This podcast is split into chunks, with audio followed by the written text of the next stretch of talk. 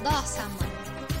Herhangi bir yasağın veya turist görme zorunluluğunun olmadığı, salının sallandığı, çarşambanın sel aldığı, Ahsenmanya'nın eril kavramlara savaş açtığı bir diğer bölüme daha hoş geldiniz. Seda Sayan girişinde çek ettiğimize göre bölüme başlayabiliriz. Previously on Ahsenmanya. Sinemada male gaze'in Male gaze'in ne olduğu hakkında tekrar bir hatırlatma yapmayacağım çünkü bölümlerdir bunun hakkında konuşuyoruz. Eğer yeni geldiyseniz tekrardan hoş geldiniz. Size spesifik bir hoş geldiniz diyorum. Önceki bölümlere göz atarak male gaze'in ne demek olduğunu öğrenebilirsiniz.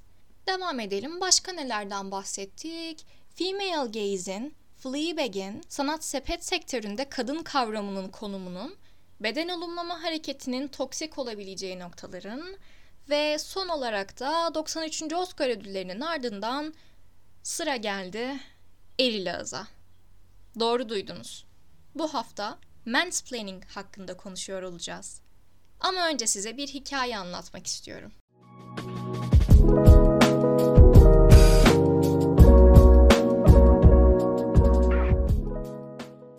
...27 Aralık 1978'de Ankara'da dünyaya gelen bir kadın olduğunuzu düşünün. Babanız diplomat olduğu için çocukluğunuzu Pakistan, Kuzey Kıbrıs Türk Cumhuriyeti veya Amerika Birleşik Devletleri gibi farklı ülkelerde ve aslında farklı kültürlerde yaşama fırsatı elde ediyorsunuz. Sonrasında New York Üniversitesi'nde edebiyat ve felsefe okumaya başladıktan sonra ilgi alanınızı tamamen tarih bölümüne çevirip lisans ve doktora eğitimlerinizi Boğaziçi Üniversitesi'nde bitiriyorsunuz. Bütün bunları yaparken aynı zamanda 8 kitap yazıyorsunuz. Farklı dizilerde ve filmlerde rol alıyorsunuz. Hatta ve hatta işin magazinel boyutuna da gelmek gerekirse Nil Kara İbrahimgil'in sizin hakkınızda şarkı yaptığı söylentileri ortalıkta dolaşıyor. Point of view, siz Pelin Batu'sunuz. Tebrikler.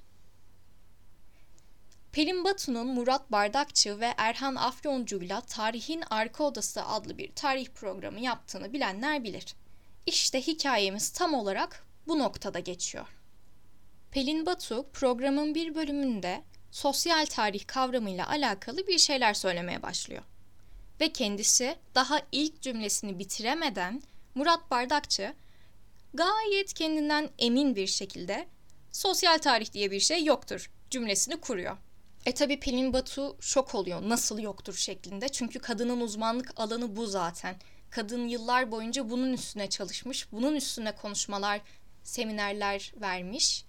Onun dışında kadın programa gelmeden önce binlerce kaynak taradığını da söylüyor aynı zamanda. Ama Murat Bardakçı ve fedaisi Erhan Bey sosyal tarih diye bir şeyin var olduğunu kabul etmekte zorlanıyorlar. Pelin Batu Erhan Afyoncu'nun da tartışmaya dahil olması üstüne şu cümleyi kuruyor. İkiniz de aynı anda bana yüklenmeyin sırayla gelin.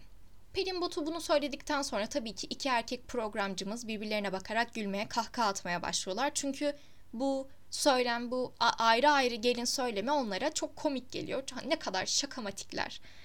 Ondan sonra hem Pelin Batu'nun cümlelerini bitirmelerine izin vermiyorlar hem de kadının söylediği her şeye, daha doğrusu söyleyebildiği her şeye gayet üstenci ve gayet cahilce bir yaklaşımla karşı çıkıyorlar. Zaten siz beni dinlerken bu iki erkek programcının yani Murat Bardakçı ile Erhan Afyoncu'nun o ses tonunu duyabiliyorsunuzdur. O yüzden ekstra eklemeyeceğim. Zaten eğer kaydı bulmak isterseniz YouTube'da bulabilirsiniz. Pelin Batu, Murat Bardakçı yazmanız yeterli olur. Düşünsenize yani böyle bir program yapıyorsunuz. Gecenin bir vakti başlıyorsunuz ve iki erkek size uzmanı olduğunuz bir konu hakkında gelip diyor ki hayır kardeşim sosyal tarih diye bir şey yoktur. E tabii ki o sırada Pelin Batu diyor ki nasıl yoktur yani? Tamam burada bir trende karşı çıkıyor olabilirsiniz ama belki kelimeleri değiştirmek gerekir diyor. Aynı zamanda söylediği şeyler doğru olmasına rağmen Pelin Batu karşısında iki erkek ona doğru bildiği şeyin yanlış olduğunu kanıtlamaya çalıştığı için o da aslında orta yolu bulmaya çalışıyor. Ama aynı zamanda çok büyük bir mansplaining'e de maruz kalıyor orada kendisi ve yüz ifadelerinden ve ses tonundan anlayabileceğiniz gibi gerçekten illetlik bir durum. Ve Murat Bardakçı özellikle ben kendisinden pek haz etmiyorum. Ama bu kişisel düşüncelerimi dışarıda bıraktığımızda kendisinin ses tonu da zaten mansplaining'e kaymaya çok müsait. Bu yüzden o sanırım video 3 dakikalıkta. Bölüme hazırlanmadan önce izlemiştim tekrardan. O 3 dakika içinde ben size isterseniz 10 saat boyunca mansplaining'in ne olduğunu, nasıl tespit edileceğini anlatayım. Asla ama asla o video kadar güzel bir tasvir yapamam. O yüzden eğer isterseniz şimdi podcast'in devamını daha iyi kavrayabilmek açısından bu podcast'ı burada durdurup o videoyu seyredebilirsiniz. Yoksa bu bölüm bittikten sonra onu izlemeye de gidebilirsiniz. Karar sizin tabii ki. Burada kimseye ahsen mansplaining yapmayacağım. Hikayemiz aslında burada sona eriyor. Bu benim mansplaining deyince aklıma gelen ilk kavram. Bu kesit önce Twitter'a düşmüştü ve Murat Bardakçı ve Erhan Afyoncu çok fazla tepki görmüştü.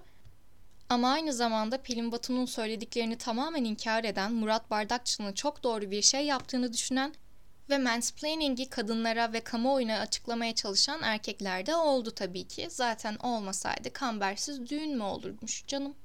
Mansplaining ile alakalı deneyimlerini paylaşan, mansplaining'i açıklayan kadınlara erkeklerin %100 duyar, %0 açıklama şeklinde saçma sapan yorumları ve eleştirileri artı mansplaining'in ne olduğunu açıklamaya çalışan erkeklerin varlığı da tabii ki var. Ve aslında bu kara mizah ögesi olarak kullanılsa gayet güldürür ama ne yazık ki gerçek. Ne yazık ki. Mansplaining kavramını literatüre, erkeklenmek, açıklama bu benim en sevdiğim ve sikzah etmek gibi kavramlarla sokabiliriz. Yani sürekli mansplaining dememize gerek yok ama burada da herhangi bir sıkıntı yok zaten. Ben podcast için hazırlanırken aynı zamanda bir kavramdan bahsediyorsam o kavramın kuramsal geçmişini de araştırmayı çok seviyorum. Çünkü ben bu kavramları genelde sosyal medyadan özellikle Twitter'dan duyuyorum. Yani Twitter'ın bana getirdiği tek güzel şey olabilir bu sanırım. Çünkü şu ana kadarki hayatımda feminist teorik okumalarını çok fazla yapma fırsatı bulamadım. Ana akımda sürekli duyulan okumaları yapabildim sadece. Ama bu podcast hem benim daha fazla kuramsal bilgiye sahip olmamı sağlıyor. Hem de aslında sizler de paylaşarak bir bilgi alışverişi oluşturuyoruz. Şimdi size mansplaining'in kuramsal tarihinden bahsedeceğim ama bu diğer kavramlara göre nispeten daha yeni bir kavram. Mesela male gaze'in ne zaman doğduğunu biliyorsunuz siz zaten.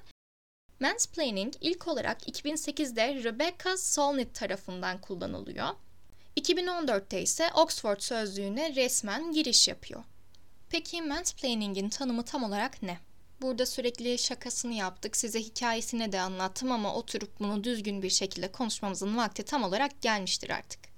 Mansplaining, bir erkeğin toplumsal rollerden dolayı bir kadına uzmanlığı olduğu veya olmadığı bir noktada açıklamalar yapması ama bu açıklamaların gereksiz ve istenmeyen açıklamalar olduğunu da belirtmem gerekiyor. Yani oturuyor Tamam mı? Normal gayet oturuyorlar ve kadın bir şeylerle uğraşıyor atıyorum.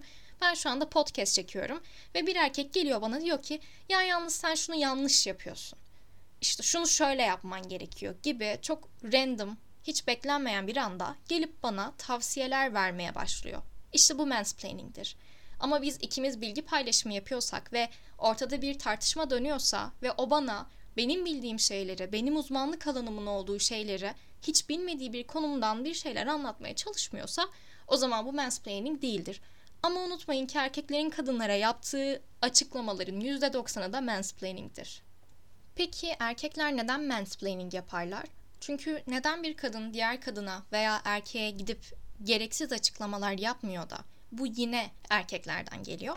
Biraz daha da bunu inceleyelim. Aslında bunun ilk sebebi patriarkanın yaratmış olduğu güçler toplumsal güçler ve roller. Şöyle düşünün, kadınlar sürekli bize ne olarak lanse edildiler yıllar boyunca özellikle anneler günü arifesinde de bunu konuşmamız çok iyi oldu. Çiçek olarak, kırılmaya çok müsait, fanusta saklanması gereken varlıklar olarak lanse edildiler. Hatta ve hatta anneler gününde kadınlara çiçek alınıyor fakat babalar gününde erkeklere çiçek alınmıyor. Bunun gibi aslında bizim zihnimize ve bilincimize daha doğrusu bilinçaltımıza kodlanmış roller aslında mansplaining'e gayet rahat bir ortam oluşturuyor. Erkeklerin genel olarak kendilerini geliştirmek için daha fazla ortam bulması, yine kendi yarattıkları dünya için bu arada konuşuyorum. Erkekler daha fazla eğitim görebildiler. Erkekler dış dünyayla daha fazla iç içe olabildiler. Çünkü kadınların toplayıcı, erkeklerin avlayıcı olduğu zamanlarda dengeler böyle değildi. Ama tarım devriminden sonra işler değişip kadınların daha anaç ve daha evde kalması gereken daha iç mekanlara hakim insanlar olmaya başladıkları dönemlerden itibaren erkekler dış dünyayla daha fazla iletişim kuruyorlar. Ve bu da kadınlara belli bazı roller yüklüyor toplumsal yaşamda. Yani bizim yıkmaya çalıştığımız bu toplumsal yaşamda. Ve bu noktada erkekler kadınlara sürekli bir şeyler anlatma haddini görüyorlar kendilerinde. Ve durum bu şekilde başlayınca tabii ki bu şiddette kalmıyor ve artarak devam ediyor ve günümüze ulaşıyor. Öyle ki bir erkek kadın anatomisi hakkında kadınlara öğüt verecek duruma geliyor. Bakın eğer Twitter kullanıyorsanız veya sosyal medyada viral olan tweetleri veya durumları görüyorsanız Sigma Zeus'tu sanırım adı. Böyle bir erkek TikTok'ta videolar çekiyor. Bu videoların içeriği ise şöyle. Kadınların son zamanlarda artan pet fiyatlarına olan sistemlerini düetliyor. TikTok'ta böyle bir hmm, ne denir? Özellik var ve gayet hödük bir şekilde ya gerçekten şu an hakaret etmemek için, saygı çerçevesinde kalmak için kendimi çok zor tutuyorum. Çünkü belki ifade özgürlüğü bazı noktalarda o kadar da iyi bir şey değildir. Diyor ki BİM'de çok ucuza var. Günlük pet kullanabilirsiniz. Bir tane pet 1 liraya denk geliyor. Siz hafta bir hafta boyunca regl olsanız dahi 7 lirayla kapatıyorsunuz. Niye sürekli alıyorsunuz pet fiyatları fazla diye. Böyle bir aptallık olabilir mi ya? Böyle gerizekalı bir söylem olabilir mi? Yani şu var ya insanlar zihinlerinin %10'unu kullanabiliyorlar sadece diye sürekli ortalıkta dolaşan bir bilgi var. Sigma Seus beyninin %1'ini kullanıyor olsaydı böyle bir açıklamaya kalkışmak bile değil, kadınların anatomisi hakkında kendinde yorum yapacak hadde sahip olduğunu bile düşünmezdi. Mansplaining bir şiddettir.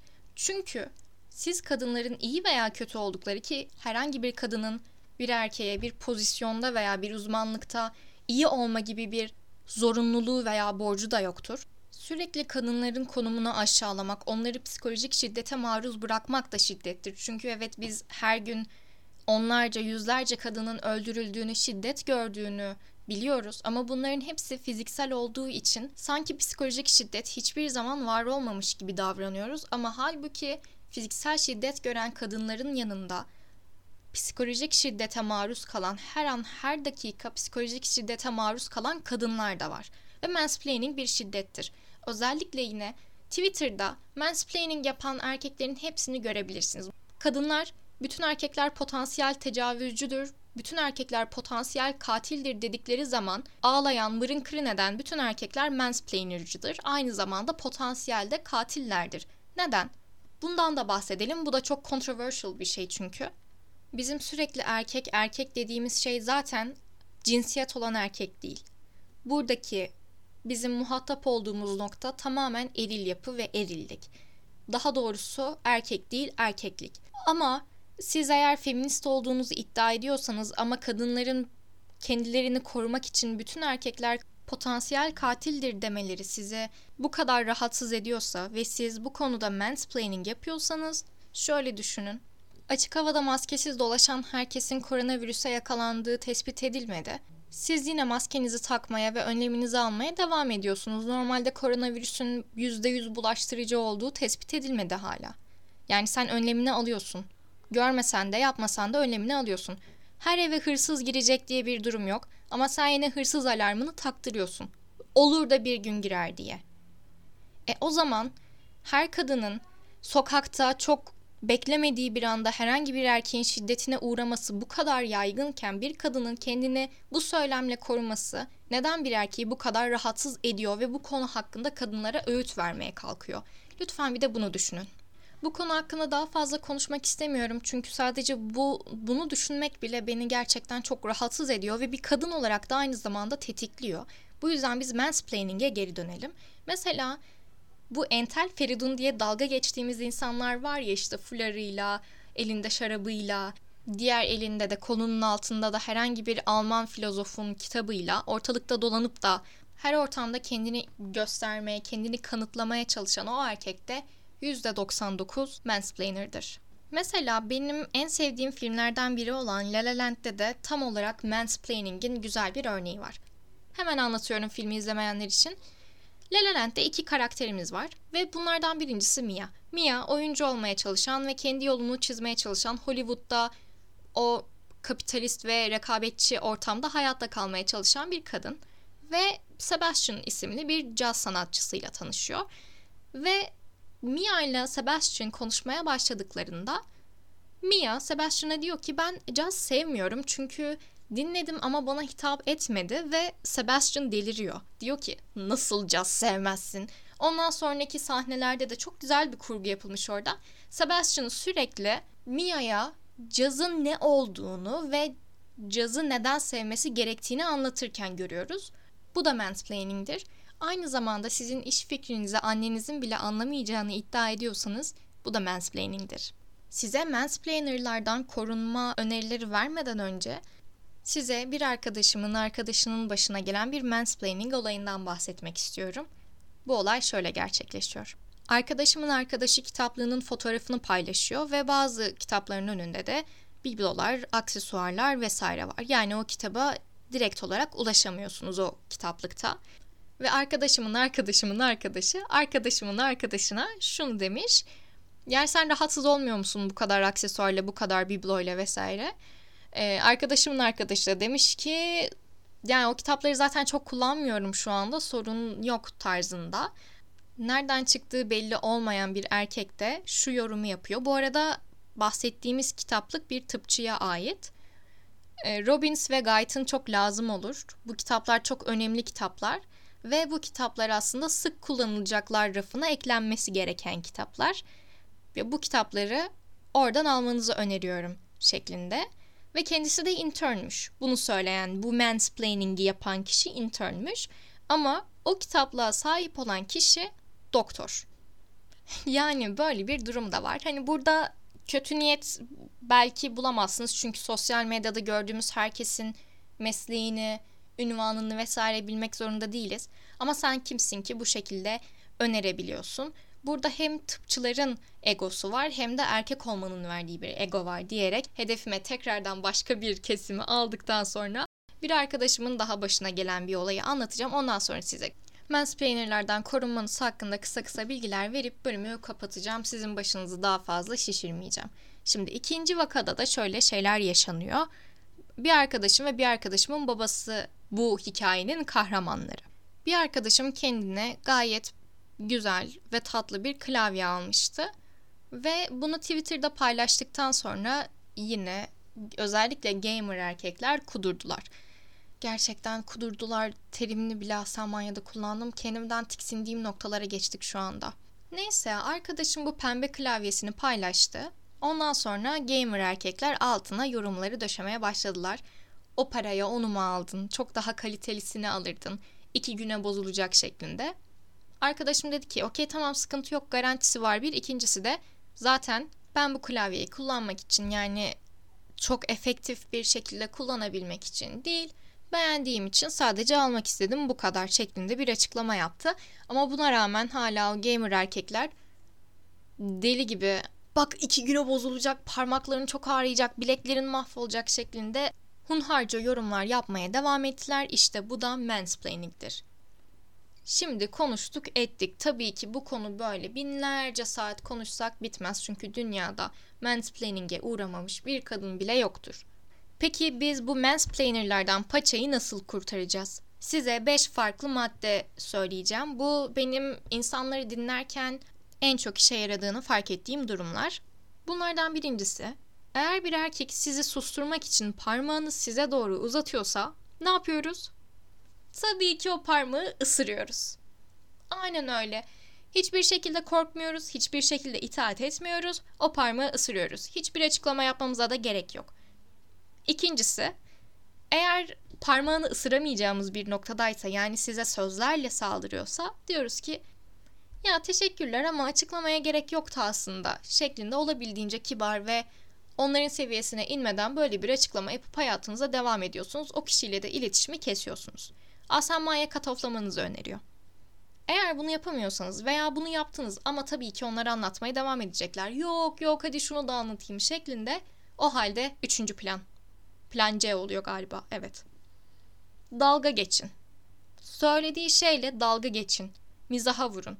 Emin olun sizin mizahınız karşınızda mansplaining yapan erkeğin mizahından çok çok daha iyidir. O yüzden vurun dalganızı, basın kahkahanızı. Eğer bu da işe yaramıyorsa diyeceksiniz ki bir saniye durur musun? Şu an fark etmiyor olabilirsin ama sen bana mansplaining uyguluyorsun ve ben bundan rahatsız oluyorum. Tabii ki bu onlar için o kadar medeni bir açıklama ki ya şok olacaklar ya da ne diyorsun be şeklinde size mansplaining'in ne olduğunu açıklamaya çalışacaklar. Eğer bu dört tavsiyede tutmadığı ve sizin o ortamdan acilen çıkmaya, kaçmaya ihtiyacınız var. O halde başvuracağımız son yöntem mansplainer'ın bilgilerini test etmek. Şimdi size üstenci bir tavırla konuşuyor, oradan buradan tutuyor, sallıyor, mübalağanın alasını yapıyor. Diyorsunuz ki okey tamam o zaman şu nedir, bu nedir ya da x nedir şeklinde tamamen sizin üstünde konuştuğunuz konu hakkında ona sorular soracaksınız. Roller değişmiş olacak yani ve siz anlatmaya başlayacaksınız. Zaten onlar yine şok olacaklar ve muhtemelen susacaklar ya da tamamen konuyu değiştirerek apayrı bir konuda mansplaining yapmaya devam edecekler ama siz zaten bu noktada oradan kaçacağınız için kafanız çok rahat olacak. Şöyle bir zihnimi yokluyorum acaba söylemeyi unuttuğum bir şey var mı diye. Sanırım yok. Olsa da haftaya söylerim zaten. Ben her hafta buradayım. Burada olmadığım zamanlarda da Ahsen Manya Podcast Instagram hesabındayım. Oraya da bekliyorum sizi. Haftaya görüşmek üzere. Mansplainerlardan kaçmanız dileğiyle. Hoşçakalın.